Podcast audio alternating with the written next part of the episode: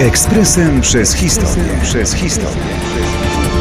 6 lutego 1928 roku w Polsce założono Związek Pionierów Kolonialnych. Perspektywy czasu może dziwić, że Polska zaledwie 10 lat po odrodzeniu doczekała się powołania podobnej organizacji jak Związek Pionierów Kolonialnych. Kolonializm, dziś słusznie potępiany, w tamtych latach był jednak uważany za emanację siły danego państwa. Europocentryzm był tak silny, że nie liczono się z opiniami ludzi, których kolonizowano, na przykład w Afryce. W polskim wydaniu skończyło się w zasadzie na planach.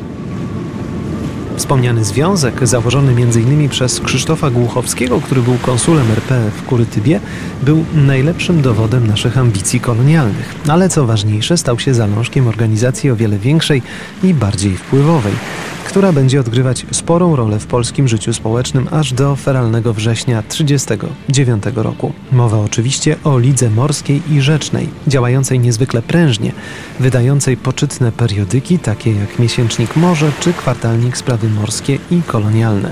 Liga tuż przed wybuchem II wojny światowej liczyła milion członków. Nie ma co jednak ukrywać, że w zasadzie nie udało się przejść od zamierzeń do rzeczywistości. Planowano pozyskanie kolonii dla Polski m.in. w Peru, Brazylii czy Liberii, ale nasz kraj nigdy nie miał w tych regionach tak silnej karty przetargowej jak Niemcy, Francja czy Anglicy. Zresztą potentatom kolonializmu nie w smak była jakakolwiek konkurencja, nawet niewielka. Zyski z ucisku były wszak nadal ogromne. Miało się to zmienić dopiero po II wojnie światowej. Ekspresem przez historię. Przez historię.